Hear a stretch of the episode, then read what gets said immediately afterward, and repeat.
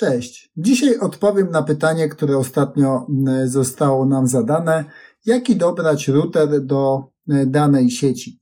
I kilka takich podstawowych zasad, jak wybierać router, jego wydajność, czyli i cenę do tego, co potrzebujemy. Po pierwsze, warto sobie zdać sprawę z tego, że router to jest taki rodzaj plus minus e, komputera. Oczywiście procesor może być różnej architektury i różnej wydajności, ale mniej więcej to jest taki bardziej ogólnego przeznaczenia procesor. Co oznacza, że obciążenie procesora zależy od ilości pakietów, którą przetwarza, bo router e, opiera swoje przetwarzanie ruchu na informacji i na logice, która wynika z informacji z nagłówka pakietu. Czyli mamy e, tutaj duże pakiety, czy mamy małe pakiety, ma to wpływ na wydajność danego routera w kontekście bitów na sekundę. Zazwyczaj przyjmuje się, jeżeli chodzi o internetowy iMix, na wielkość pakietu na poziomie 110 bajtów. Więc jeżeli e, myślisz o tym, jaki dobrać e, rozwiązanie, czy jaki router e, wybrać dla swojego środowiska, to po pierwsze należałoby się zastanowić, jakie aplikacje są tam obsługiwane, czy mają być obsługiwane. Czyli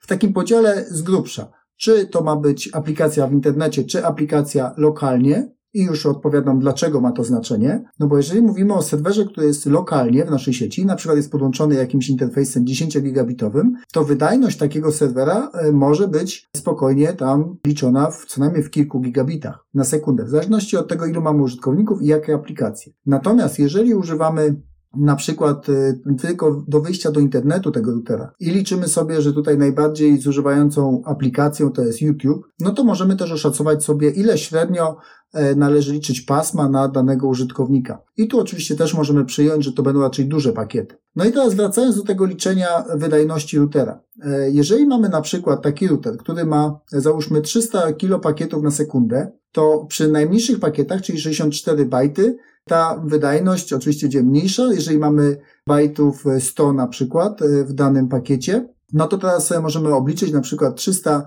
tysięcy pakietów razy 8 bitów, no bo tutaj mamy e, w bajtach, a tutaj mamy w bitach, no to e, będziemy mieli razy jeszcze 100, czyli te 100 bajtów, czyli 100 razy 300 to będzie ile? 3030 3 megabit na sekundę, tak? No i razy 8, e, czyli 3 razy 8, 24 megabity na sekundę. Czyli przy 110 bajtach w pakiecie będziemy mieli przy 300 kilopakietach na sekundę routera mniej więcej wydajność na poziomie 24 megabitów. Natomiast to jest oczywiście e, wartość, która jest taka wyjściowa. Należy ją e, rozpatrywać w kontekście funkcjonalności, które na danym routerze zastosujemy. I tutaj, jeżeli popatrzysz sobie na e, różnych procentów, to niektórzy podają, niektórzy nie podają, jak bardzo zmniejsza się wydajność danego routera, jeżeli zaczynamy stosować dodatkowe reguły. Na przykład włączamy firewalla i teraz dla każdego pakietu, który przetwarzamy, nie tylko realizujemy podstawową funkcję tego routera, czyli patrzymy na jaki docelowy adres IP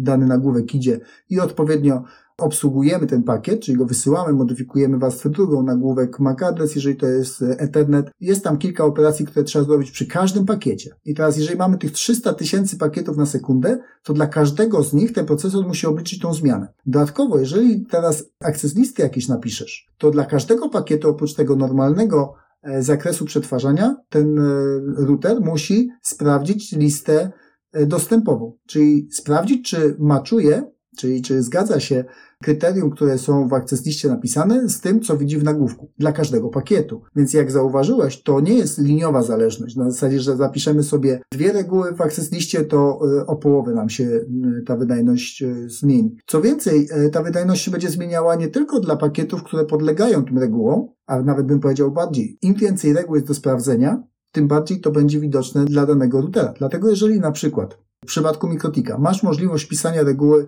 fast forward i ona jest na samej górze i kwalifikuje większość pakietów, no to wtedy mniej obciążasz ten procesor ogólnego przeznaczenia. Ale ten scenariusz się sprawdza tylko w przypadku przetwarzania ruchu w lanie. Więc jeżeli masz sytuację taką, że kupujesz router, który ma jakiś swój chipset, który obsługuje sprzętowo, na przykład na poziomie tam 10 gigabitów porty i prędkość, bo nie ma problemu, może tak być e, to do wykonania. To ta prędkość przez ten hardware'owy chipset będzie możliwa do wykorzystania tylko w momencie, kiedy ty masz serwer w LANie, podłączasz to urządzenie i jeszcze odpowiednio konfigurujesz, że będzie szło przez tą ścieżkę hardware'ową tylko, to wtedy jesteś w stanie uzyskać tą maksymalną wydajność, którą ten producent pokazuje dla tego rodzaju użycia. Natomiast jeżeli ty ten serwer masz w internecie i robisz NATA dla tego ruchu, który ma przechodzić, NAT nie jest możliwy do realizacji w hardware'ze. To oznacza, że każdy ruch, który będzie miał być poddany natowaniu, będzie przeliczany przez ten procesor ogólnego przeznaczenia. To oznacza, że no, będzie po prostu obciążał ten procesor routera, ten główny, a nie ten e, chipset e, czy ten ISIC e,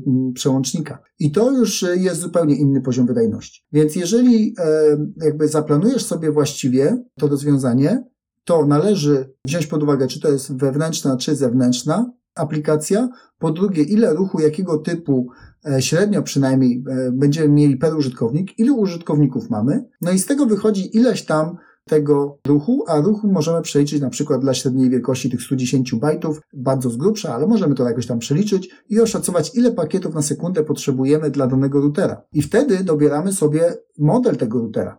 Czyli wydajność będzie oczywiście powiązana z ceną. Czyli im więcej tej wydajności chcemy, tym więcej musimy za to zapłacić. I jak widzisz, e, tutaj zaplanowanie całego środowiska będzie przekładało się na cenę. Bo jeżeli to zrobisz, to planowanie zrobisz mało optymalnie, to znaczy, że wydajność oczekiwana od tego procesora routera będzie wysoka, a to z kolei oznacza, że będzie drogo. Więc trzeba tu te wszystkie ze sobą rzeczy połączyć, ale wychodzimy zawsze od e, aplikacji, patrzymy ile tego ruchu możemy wygenerować, mówimy tu głównie o ruchu równoległym, czyli nie w sumie jakby całościowo, tylko i w najgorszym momencie, czyli w tak zwanym rush hour, ile może wystąpić tego ruchu w szczycie, w piku, e, dla jednocześnie występujących wszystkich pakietów na tym routerze.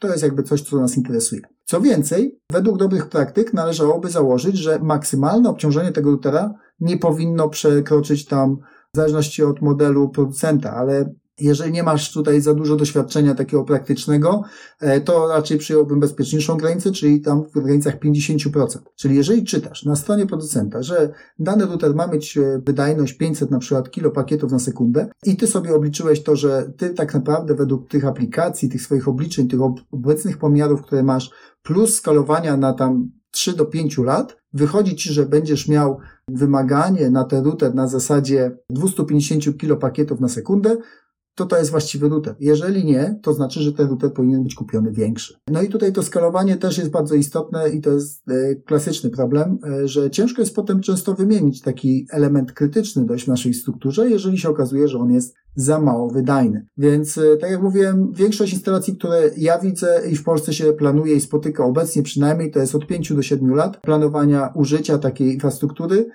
więc raczej 7 niż 5, tak w praktyce.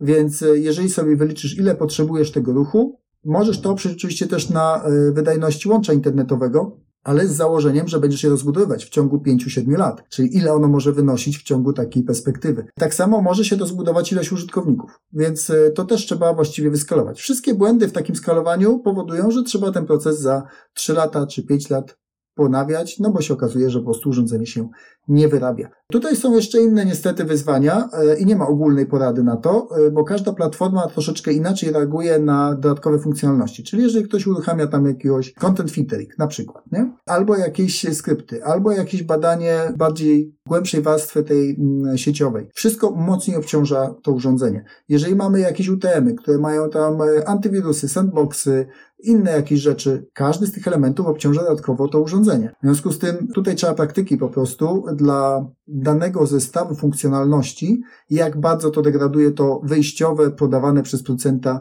poziom wydajności. I na tej podstawie sobie oszacować, jaki ten model powinien być, natomiast oczywiście on powinien być zwymiarowany tak mniej więcej na połowę tego, co oczekujemy.